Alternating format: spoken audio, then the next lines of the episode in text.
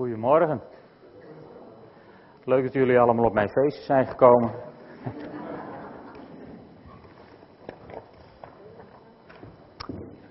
We hebben een nieuw maandthema. Bijna vast maandthema voor december. Want als de adventstijd begint, dan ga je het hebben over verwachting. Want daar gaat advent over. En ik vind het een kans die je eigenlijk niet mag laten liggen. En uh, ik zou jullie willen vragen, hoe zit het met uw verwachtingen eigenlijk? We leven natuurlijk uh, in de tijd waarin we allemaal zeggen, vol verwachting klopt ons hart. Wie de koek krijgt, wie de gart, er schijnt ook altijd iemand geslagen te moeten worden als het leuk wordt. Vreemd is dat, hè? Dat dat zo in ons denken zit.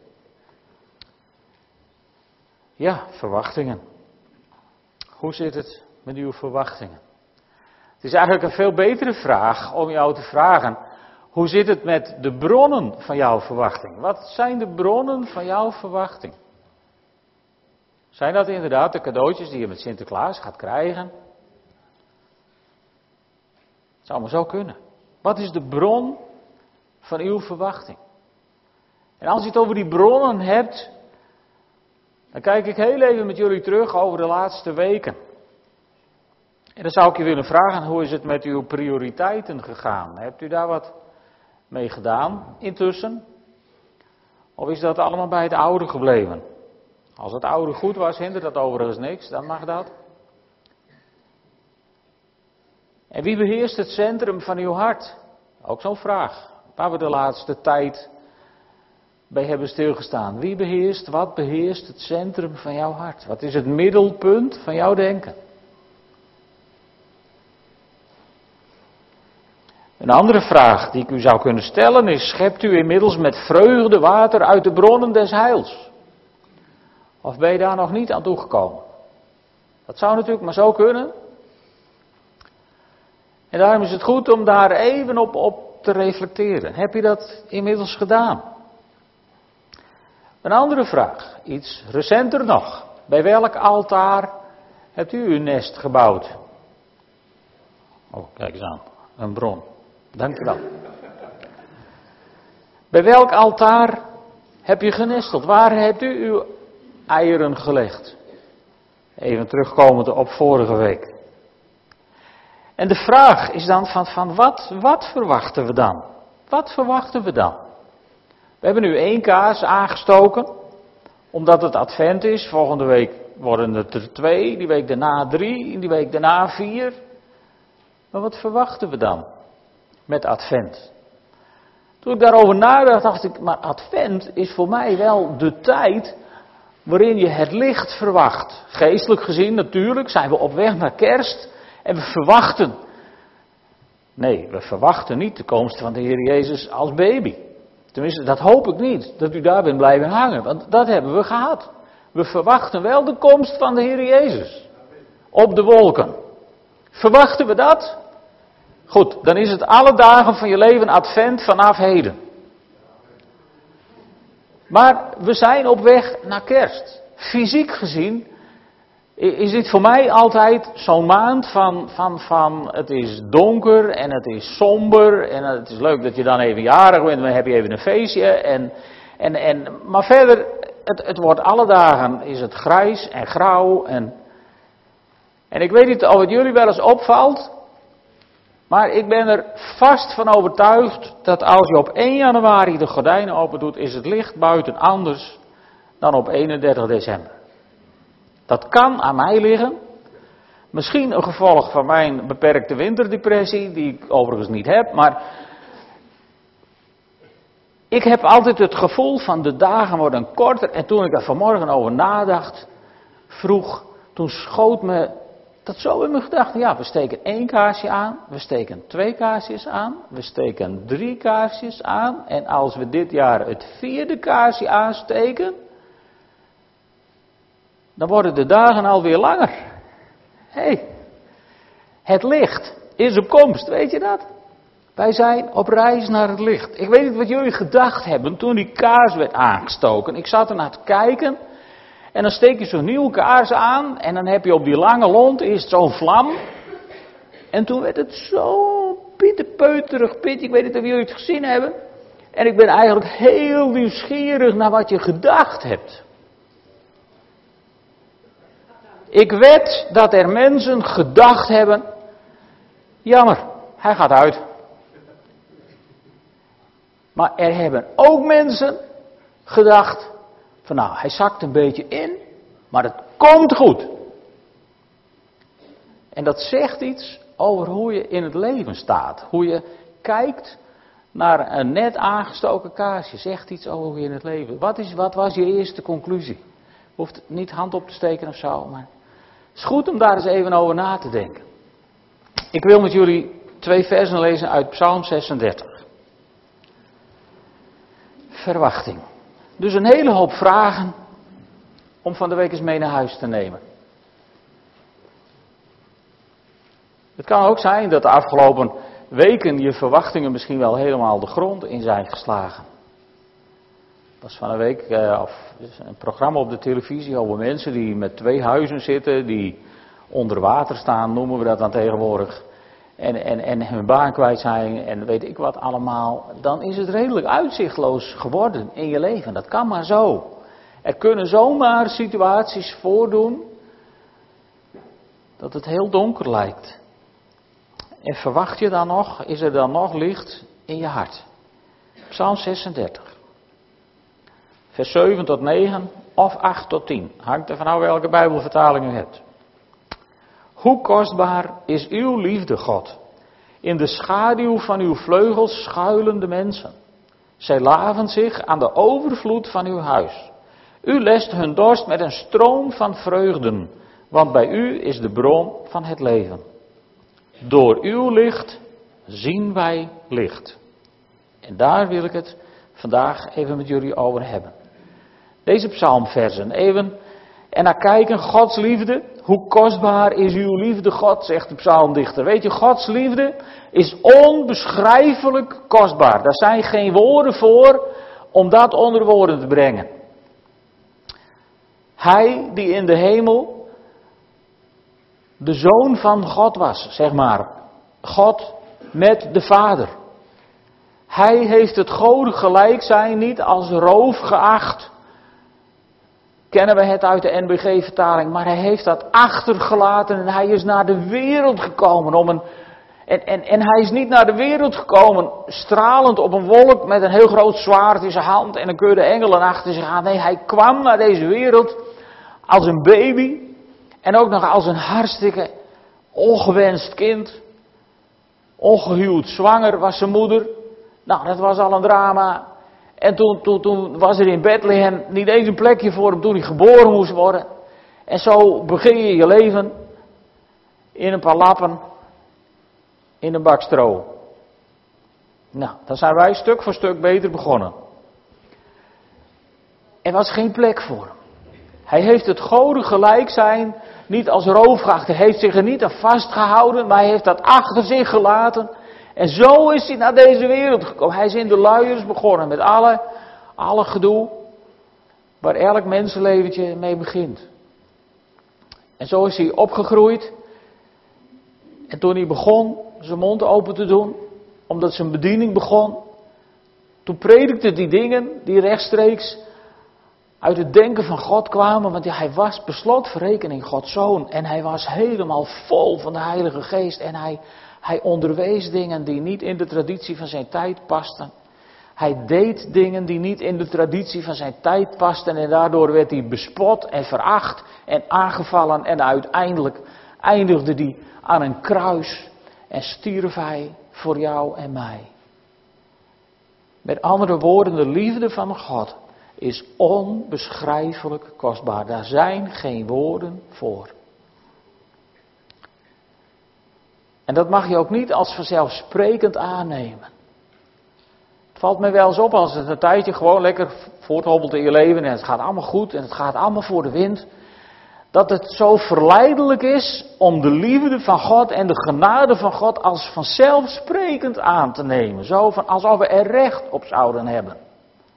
Dat hebben we ook, want we zijn mede-erfgenamen van God. Maar, maar het is niet vanzelfsprekend. Het is elke dag, laat ik het zo zeggen, elke ochtend dat je wakker wordt en je ogen open doet en je lijf het nog doet en je nog gezond bent, is niet vanzelfsprekend. Wij denken dat het allemaal maakbaar is in onze maatschappij en in onze cultuur, maar elke dag dat je gezond wakker wordt is genade van God. En elke dag dat je de hectiek van de dag hebt doorstaan en misschien wel in het verkeer bent geweest of eh, weet ik waar, wat je allemaal hebt meegemaakt en je gaat s'avonds gezond weer op bed, is dat genade van God, is dat een cadeau uit de hemel. En daarom zou je elke ochtend dankend wakker moeten worden met een loflied op je lippen, zoals de psalmist dat zegt in Psalm 149. En je zou elke avond moeten inslapen met een loflied op je lippen, want het is niet vanzelfsprekend. Het is genade. Dus die liefde is kostbaar. En zo mag je schuilen onder de vleugels van God, in de schaduw van uw vleugels schuilende mensen. Als u wilt schuilen in de schaduw van de vleugels van een vogel, dan moet die vogel op zijn minst zijn armen spreiden om u daar een plekje te geven. En weet je, Jezus heeft zijn armen gespreid om u en mij een plek te geven. Zo stierf hij aan het kruis met zijn armen wijd uitgespreid. En hij zei, het is volbracht. En toen zei hij tegen ieder van ons, luister eens, ik heb het voor jullie allemaal geregeld. Je hebt allemaal toegang tot de Vader. Gewoon rechtstreeks. Je mag schuilen onder mijn vleugels. Ik heb het in orde gemaakt. Leef je daarin? Sta je in die overtuiging dat niets of niemand je uit de hand van de Vader kan rukken? En dan mag je je laven aan de overvloed van het huis van God. En wat is die overvloed? Nou, dat vers gaat gelijk verder. Dan mag je je dorst lessen met een stroom van vreugden in het meervoud. Niet die simpele alleen, nee niet simpel. Het is niet alleen maar die blijdschap dat je gered bent voor de eeuwigheid. Maar je mag je dorst lessen met een stroom van vreugden in het meervoud. Zegeningen van God, maar je moet ze wel willen zien. Tel uw zegeningen, hoe zingen we dat? Eén voor één, hè? dan heb je wat te doen de rest van je leven. Goed hè? Hoef je je nooit te vervelen. En, en zo mag je je dorstlessen met een stroom van vreugden. Niet zoals sommige, sommige evangelieverkondigers willen doen, geloven dat als je nou maar de zaken met God op orde brengt, dat je je dorst mag lezen met een stroom van euro's of een stroom van, van, van rijkdom of een stroom van welvaart. Helemaal niet. Misschien ik dat er voor sommigen wel aan. Maar, maar waar het om gaat is een stroom van vreugden. En dat zijn andere vreugden dan waar de wereld ze zoekt. Dat zijn niet de cadeaus onder de kerstboom, of de cadeaus in je schoen, of de cadeaus onder de schoorsteen van Sinterklaas. Zelfs niet de cadeaus op je verjaardag met alle liefde erbij waarmee je ze krijgt. een stroom van vreugden dat zijn die bewustwordingen van de zegeningen die God je heeft gegeven. Elke ochtend gezond wakker worden. Elke dag gezond weer op bed gaan. Omdat je de dag zonder kleerscheuren bent doorgekomen. Zoals u ziet ben ik gisteren niet de dag helemaal zonder kleerscheuren doorgekomen. Want ik moest met de kleinkinderen in de wildwaterbaan. En dus had ik heel veel redenen om God te danken dat ik al die rondjes met kleinkinderen die je van alle kanten besprongen heb overleefd dan is één deukje in je hoofd peanuts. Reden om God te danken. Een stroom van vreugden, daar mag je je dorst mee lessen. Niet met een stroom van azijn. Er zijn ook christenen die lijken dat te doen, maar dat hoeft echt niet.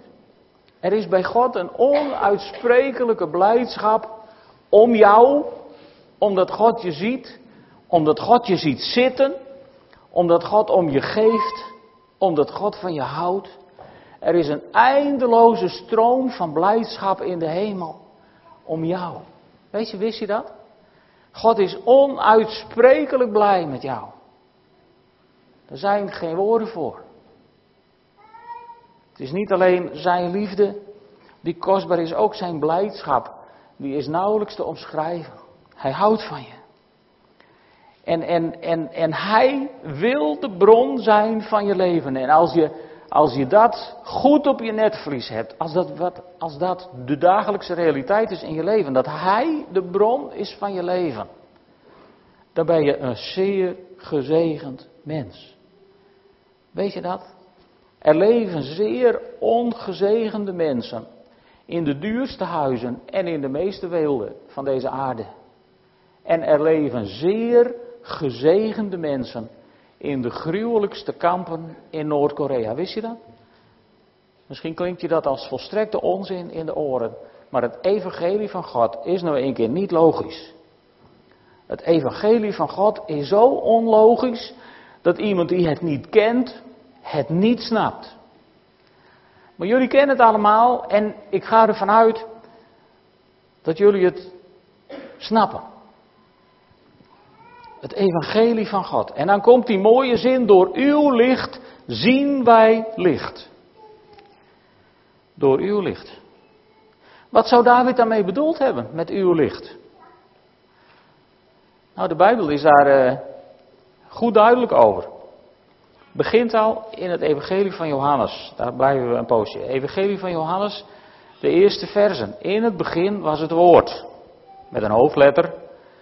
Het woord was bij God en het woord was God. Het was in het begin bij God. Alles is erdoor ontstaan en zonder dit is niets ontstaan wat bestaat. Dit gaat dus over de scheppingskracht van God, de scheppingswoorden van God. En dan staat er in het woord was leven en het leven was het licht voor de mensen. In uw licht zien wij licht. Het leven was het licht voor de mensen. Uw licht. En, en Jezus, die maakt het nog veel concreter in Johannes 8, vers 12. Daar zegt hij, ik ben het licht voor de wereld. En wie mij volgt, loopt nooit meer in de duisternis, maar heeft licht dat leven geeft. Dus misschien moet je ergens een spoor zoeken in een situatie in je leven waarin je denkt, nou, het, het, is duister, ik zie het niet helemaal, ik zie het even niet helemaal zitten. Dan zegt Jezus, ik ben het licht voor de wereld.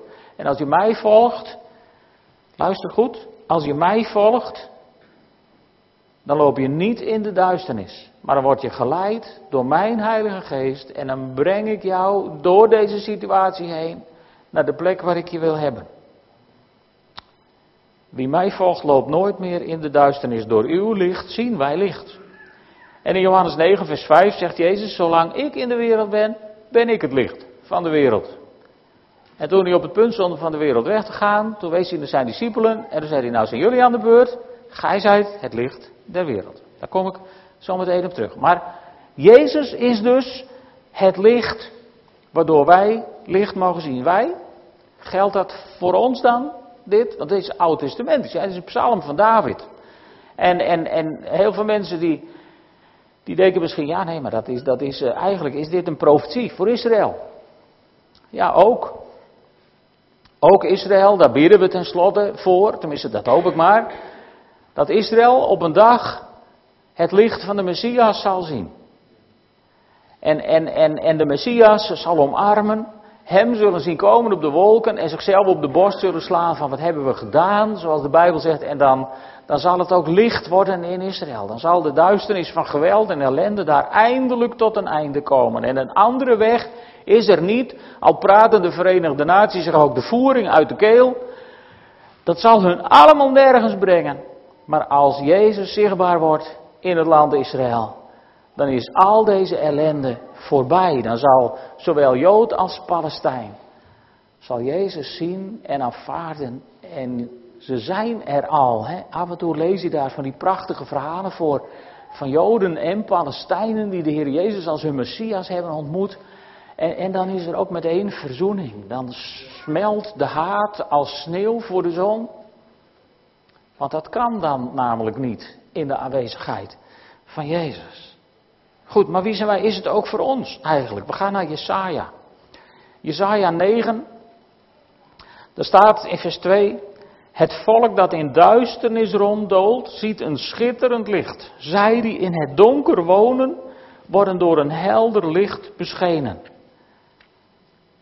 Oké, maar dat is Jesaja, broeder. Dat gaat over Israël. Ja, dat geloof ik ook.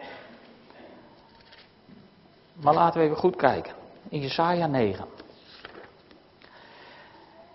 Een volk dat in duisternis rondloopt. Maar het vers hiervoor, dat kan 9 vers 1, vers 1 zijn, of het laatste vers van hoofdstuk 8, hangt weer van uw Bijbelvertaling af. Maar daar staat, en wie daardoor omsloten wordt, zal niet ontkomen. Waardoor omsloten worden? Want daardoor verwijst ergens naar. Dus we gaan nog een heel klein stukje terug. En dan ben ik in hoofdstuk 8, vers 21. En dan moet je even denken aan de tijd waarin wij vandaag leven. Moedeloos en hongerig zullen de mensen door het land zwerven. Nou, dat geldt misschien niet voor ons persoonlijk, maar dat komt zelfs in Nederland voor. Vandaag de dag, in deze tijd. Moedeloos en hongerig zullen de mensen door het land zwerven. Met name asielzoekers voor wie geen plek is en die zelfs niet in een tentenkamp mogen wonen, omdat wij daar in onze weldoortimmerde huizen te veel last van schijnen te hebben. Zelfs dat gunnen we ze niet. Moedeloos zwerven ze door het land. Ze zullen honger lijden. En hun hun woede de koning en hun God vervloeken. Ook dat komt voor tegenwoordig. Mensen die, en dan, dan hoef je niet eens voor op straat te zwerven. Er zijn mensen die nog steeds alle dagen genoeg te eten hebben en die nog steeds de kachel kunnen stoken en die één zee van kritiek hebben op onze overheid. En sommige mensen, veel mensen tegenwoordig ook op God. Hoe kan Hij het allemaal toelaten alsof Hij het geregeld heeft? Ze kijken omhoog of staren naar de grond, maar overal heerst verstikkende duisternis. Lieve mensen, dit gaat gewoon over Europa. Hè? Kijk gewoon even goed. Dit gaat over het continent waar wij leven. Geestelijk gezien tenminste. Verstikkende duisternis, donker en somber is het. Nacht overal. En wie daardoor omsloten wordt, zal niet ontkomen. Wie daardoor omsloten wordt, door deze donkerte van denken. Ben jij omsloten door donkerte van denken? Zijn jouw gedachten, zijn uw gedachten beheerst door de economische crisis waar we in zitten en door de profetieën dat het allemaal nog minder wordt en door de, door de, de berekeningen van, van het planbureau en, het budgetbureau, dat we allemaal koopkracht gaan inleveren. Zijn jullie daardoor beheerst? Ben je door donkerte beheerst? Keek je zo pas naar het vlammetje toen het heel klein werd en dacht je nou jammer het gaat uit? Of dacht je van nou hij komt direct wel? Hoe sta je in het leven? Door welke donkerte word jij omsloten? En hier staat, wie daardoor omsloten wordt, zal niet ontkomen. Zoals, en dan gaat het over de streken waar dit over gaat, zoals het land van Zebulon en Naphtali in het verleden smadelijk bejegend is, zo wordt weldra eer bewezen aan de kuststreek. Het overjordaanse en het domein van andere volken. Dus dit gaat ook over ons. Mooi hè? Misschien ben jij omsloten door dat donker van deze tijd, door de duisternis, door, door de hopeloosheid waar sommige mensen in zitten omdat ze hun baan kwijtraken of, of financieel aders moeten laten of omdat je over twee jaar wilt gaan studeren en je dan misschien moet lenen in plaats van studiefinanciering krijgt. De, de nachtmerrie scenario's die worden geschilderd, die zijn eindeloos. Maar waar is het christelijke tegengeluid dat wij geloven in een God die voorziet in wat we nodig hebben? En een God die ons draagt door dit leven en die ons leidt om de goede keuzes te maken. Dat geluid, dat wordt zelfs uit de christelijke politiek momenteel niet gehoord. Het is allemaal kommer en kwel. Ook in dit domein van andere volken. Maar de belofte die er is, is dat het volk dat in duisternis rondelt een schitterend licht ziet. Weet je, en daarom geloof ik dat God ook Europa niet vergeet en dat ook op dit continent een beweging van de Heilige Geest gaat plaatsvinden, zodat mensen net zoals in Zuid-Amerika en Afrika en Azië God weer gaan vinden als de enige kans die ze hebben. En weet je, wij zien misschien dat licht wel. Maar die mensen om ons heen, in dit donkere continent, hoe gaan zij dan het licht zien? Want door uw licht zien wij licht. Nou, dat is mooi. Maar wat heeft de wereld eraan? Zien zij dan ook licht? Nou, weet je. De Bijbel is uh, akelig praktisch soms. Neem jullie nog een paar versen mee. Jesaja 60, vers 2. Er staat: Duisternis bedekt de aarde en donkerte de naties. Maar over jou, hey, over jou schijnt de Heer. Zijn luister is boven jou zichtbaar. Oh ja?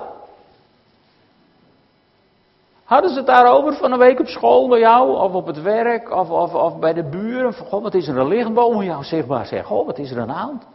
Is dat zo? Anders hebben we nog iets te doen, toch? Of niet? Dan klopt er iets niet, want de Bijbel zegt dat het zo zal zijn. Boven jou. En Jezus heeft het gezegd, ik heb die tekst al aangehaald, Matthäus 5, vers 14. Gij zijt het licht van de wereld. Een stad die op een berg ligt, kan niet verborgen blijven. Tenzij ze in die stad het licht uitdoen. En er een stroomstoring is of zo. Maar dat is er in uw leven hopelijk niet. Weet je, je kunt met Advent elke week een kaas meer aansteken. En ik ben daar niet tegen, ik vind het prachtig. Maar daardoor wordt de wereld niet lichter. En waardoor dan wel? Nou, we blijven even in Jesaja, hoofdstuk 58. Daar krijgt het volk Israël een verwijt over het, de manier van vasten. En als wij ons de profetieën over het licht toe-eigenen, wat ik van harte heb gedaan, dan moeten we ons ook de profetieën van enig verwijt gelegen nemen. Je kunt niet selectief zijn daarin. Wat zegt God in Jesaja 58? Is dit niet het vasten dat ik verkies? Misdadige ketenen losmaken, de banden van het juk ontbinden, de verdrukten bevrijden en ieder juk breken. En dan moet je niet denken aan de jukken die op jouw eigen schouders liggen. Dit gaat over de jukken die wij op andere mensen hun schouders leggen. De ketenen losmaken, dat moeten degenen doen die de ketenen hebben aangelegd. Zo staat het hier, zo is het hier bedoeld. Dus we moeten mensen niet binden. Met machten van manipulatie misschien, met, met, met onvergevensgezindheid, met blijvende boosheid, met eeuwige verwijten, met gefit en gedoe en gezeur. Daar kun je mensen zo mee binden. En God zegt, het vaste wat ik verkies is dat je daarmee ophoudt. En dat je die banden, die ketenen verbreekt en dat juk in stukken slaat en dat je dat stopt in je leven. Is het niet, dan wordt het, dan wordt het wel heel praktisch hoor. Is het niet je brood delen met de hongerigen? Onderdak bieden aan armen zonder huis. Iemand kleden die naakt rondloopt. Je bekommeren om je medemensen. Dan, zegt God, breekt je licht door als de dageraad. Je zult voorspoedig herstellen. Dan breekt je licht. Hoe zien zij het licht? Nou, zo zien zij het licht. Dat gaat nog even verder. Je gerechtigheid gaat voor je uit. De majesteit van de Heer vormt je achterhoede. Dus met andere woorden, over jou is het licht van God aangegaan. Zijn luister is boven jou zichtbaar. En dan geeft de Heer antwoord als je roept, als je om hulp schreeuwt, zegt hij, hier ben ik. Zie, zie je wat hier staat? Je gebeden waarvan je nu misschien het idee hebt dat ze niet verhoord worden. Dan, zegt het woord van God, zal God antwoord geven als je roept. Wanneer? Wanneer en dan komt het opnieuw, wanneer je het juk van de onderdrukking uitbandt. Niet het onderdrukt worden, maar het anderen onderdrukken. Als je dat uitbandt, als je de beschuldigende vinger en de kwaadsprekerij uitbandt, dat is kennelijk dat juk waar het over gaat. En, en, en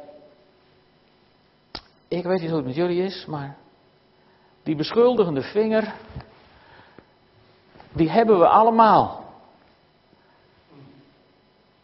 Dat hebben we in het klein en dat hebben we in het groot. Want we willen uiteindelijk allemaal graag weten van wie zijn schuld is het nou dat we in een kredietcrisis zijn geraakt, of niet?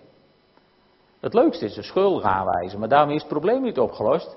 Ik heb zo'n manager gehad bij het Rode Kruis en die man die, die, die, die, die wilde bij alles wat er niet goed ging, had hij maar één vraag. Wie zijn schuld is het? En op het moment dat daar een naam was ingevuld, dan werd het probleem opgeborgen in de la, werd er niks meer aan gedaan. Dan bleef het probleem gewoon bestaan, maar er was een schuldige aangewezen. Dus hij kon tegen de directie zeggen, ja, het is niet mijn schuld, maar zijn schuld. Dus opgelost. Maar dat was natuurlijk niet zo. Je kunt wel een schuldige aanwijzen, maar daar schiet de hele wereld niks mee op. Je kunt beter zeggen, waar hebben we met elkaar iets over het hoofd gezien? En dan ga je schouder aan schouder, ga je er wat mee doen. En wie zijn schuld het is, onze schuld is betaald aan het kruis van Golgotha. En als we zometeen avondmaal vieren, dan herdenken we dat, dan vieren we dat. Ja toch? Wat maakt het dan uit wie zijn schuld het is? Wat kan ons het dan schelen? Ik bedoel, Jezus heeft gezegd, als ze vragen wie zijn schuld het is, dan mag je wijzen naar het kruis en dan zeg je nou, het is nu juridisch zijn schuld, want hij heeft al onze schuld, ook die van mij, heeft hij op zich genomen. Dus vriend, als je een schuldige zoekt, dan moet je daar zijn. Want daar is het geregeld. Het maakt niet meer uit wie zijn schuld het is. Het gaat erom dat we juist vanuit die vergevenheid leren te leven met elkaar. En dat het licht van het gered zijn en van het vergeven zijn. Het licht van het witter gewassen zijn dan witte wol of witter dan sneeuw gemaakt zijn door het bloed van het lam. Er is kracht in het bloed van het lam, toch? Nou, dat licht mag boven jou schijnen, zodat de wereld denkt, als we naar jou kijken, van, wij, lopen vandaag allemaal te zagrijnen omdat we, omdat we 4% koopkracht hebben verloren. En hij blijft lachen. Waarom blijf jij nou zo gelukkig eruit zien, terwijl heel Nederland mateloos lijdt door 4% minder? Waarom kun jij dat glimlachend ondergaan? Nou, omdat mijn behoud en mijn redding niet worden uitgedrukt in euro's, maar in het kruis. En het kruis is niet onderhevig aan devaluatie. Het kruis, dat wordt niet uh, aangetast door mot en roest en whatever. Het kruis is waardevast. Is dat niet mooi? Dus de bron van jouw leven het fundament onder jouw bestaan is waardevast. En hoe de rest er dan ook uitziet, daar komen we vast wel doorheen. Laatste vers van Jesaja 58. Wanneer je de hongerige schenkt wat je zelf nodig hebt en de verdrukte gul onthaalt, dan zal je licht in het donker schijnen. Je duisternis wordt als het licht van het middaguur. Door uw licht zien wij het licht. Maar als we het licht hebben gezien, lieve vrienden, dan vraagt dat van ons dat we vanuit dat licht gaan leven. En als we leven vanuit dat licht, dan gaan de mensen om ons heen het licht zien. Wauw, dat is nog eens nieuws. En weet je, er zijn een aantal manieren om dat te laten zien. Een van de manieren is om niet mee zagrijnig te zijn met de rest van de wereld op dit moment. Maar te zeggen, de vreugde des Heren is mijn kracht. Dat is één.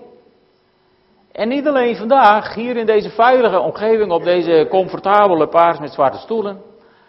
Maar ook morgen, als u weer in de maatschappij staat, waar je je plek hebt. De vreugde des Heren is mijn kracht. Dus zeuren jullie maar eind weg. Ik doe hier niet meer aan mee. Dat zijn dat zijn dingen waardoor je je licht laat schijnen. En als je ziet dat je buren of, of mensen in je, in je omgeving die op jouw weg worden gebracht, in de penarie komen door, door de situatie waar we nu een keer economisch even zitten. Als je dat ziet en je steekt een helpende hand uit en je, en je ondersteunt waar mogelijk even. Weet je, dan komt er een dag dat mensen vragen waarom doe je dat? En dat zijn toch zulke open deuren om even het evangelie door de deur te schuiven. Dan moet je bij zijn. Maar je moet de omstandigheid creëren. Dus misschien heb je nog een accept girokaart liggen waarmee je wat zou kunnen. Of buren en kennissen. Misschien komt dan het gesprek op kerst. Of op crisis. Of op kerst in de crisis. Dat is helemaal een mooie uitdaging. Om iets mee te doen. Lijkt mij bijna. En wat is dan jouw inbreng in dit gesprek? Dat zou ik je tot slot mee willen geven om over na te denken. Schuil je in de, in de crisis onder Gods vleugels? En is de stroom van vreugden van je gezicht af te lezen en uit je woorden af te leiden? Ja, klopt dat? Bid God daar andersom. Dat dat mag veranderen als het niet zo is. Want weet je, niet de euro of de EU zijn de bron van ons leven, maar Jezus Christus en dien gekruisigd. De zoon van de levende God, wiens komst naar de aarde wij binnenkort gaan vieren met kerst. Ons kerstfeest is namelijk wat anders dan het kerstfeest van de wereld. Dat hangt niet af van grote cadeaus en groot gedoe en dure diners. Ons kerstfeest kan desnoods zonder kerstboom en zonder lichtjes. En ons kerstfeest speelt zich af hier, in je hart. Daar is mijn kerstfeest. En omdat hier het feest zich plaatsvindt, zijn er in ons huis straks vastlichtjes en dingetjes. Maar niet andersom. En het kapitaal wat mensen aan kerst uitgeven, wat u kunt besteden deze maand, dat mag dan misschien onder druk staan. Het kapitaal dat Jezus ons gaf is waardevast en crisisbestendig. Ja, dat is mooi. Zo kunnen we zomaar een heel nieuw jaar tegemoet gaan. En weet je, Jezus liet ons de bewijzen na, de tastbare bewijzen, liet hij ons na in brood en in wijn. Dus we gaan avondmaal vieren. En dan mag u straks naar voren komen, ook als u hier te gast bent. Dan bent u van harte uitgenodigd om mee te doen aan het avondmaal als u weet dat u een kind van God bent. Als u uw leven aan de Heer hebt gegeven. En als u dat niet hebt gedaan, dan komt u eerst naar achteren. Dan zullen mensen staan om te bidden voor mensen in nood. Maar als u zegt van ik heb mijn leven nog nooit aan de Heer gegeven, kom dan eerst naar achteren. Dan bidden we voor je. Dan geef je je leven aan de Heer. Dan hol je naar voren. En dan is hier brood en wijn om avondmaal te vieren. En als je dan je leven aan de Heer hebt gegeven, en misschien heb je je leven al lang een keer aan de Heer gegeven, en je zegt maar, ik wil daar nu toch eindelijk eens een streep onder zetten, omdat het licht van God boven mij is opgegaan. Ik wil dat onderstrepen met een actie. Dan mag je na de dienst bij mij komen en dan spreken we een datum op waarop we dit halve podium slopen en het bad vullen met water en dan gaan we je dopen. Want het is toch wel van de gekke dat er zoveel mensen omlopen, ook niet alleen hier, maar, maar op, het, op het christelijk erf, het evangelisch erf, die, die allemaal rondlopen. Eigenlijk, eigenlijk, eigenlijk moest ik toch ook die stap nog zetten. En vervolgens het alsmaar niet doen. Goed, ik ga daar niet lang over zweren, maar ik geef je dit even mee. Het zou leuk zijn als we bij de vierde kaars een doopdienst hadden bijvoorbeeld. Ik bedenk maar even iets. Goed, we gaan avondmaal vieren. Zullen we gaan staan en samen bidden? Vader in de hemel, ik dank u wel dat uw licht over ons is opgegaan. Heren, dat we, dat we met kerst, dat we over, over, over vier weken, weliswaar herdenken dat u naar deze wereld kwam, maar dat we dat doen omdat u 2000 jaar geleden dat daadwerkelijk gedaan hebt. Heer, ik dank u wel dat wij daardoor mogen leven en dat het licht van uw heerlijkheid ons deel mag zijn. Heer, ik dank u wel dat welke crisis ook ons geestelijk leven niet raakt. Heer, en dat, dat de omstandigheden altijd ondergeschikt zijn. Ik bid u, Heere God, laten ieder van ons in deze ruimte werkelijk mogen ervaren hoe het is om te schuilen onder uw vleugels en hun dorst te lessen met een stroom van vreugden. Heere, schenk ons die blijdschap. Dat bid ik van u in die wonderbare naam van onze Heer en Heiland Jezus Christus. Die voor ons naar deze wereld kwam om ons voor eeuwig te bevrijden van alles waar iedereen zich druk over maakt. En van onze zonden. Heere, u hebt ons in de relatie met u hersteld en daarvoor liet u ons na dit brood en de wijn om dat te gedenken.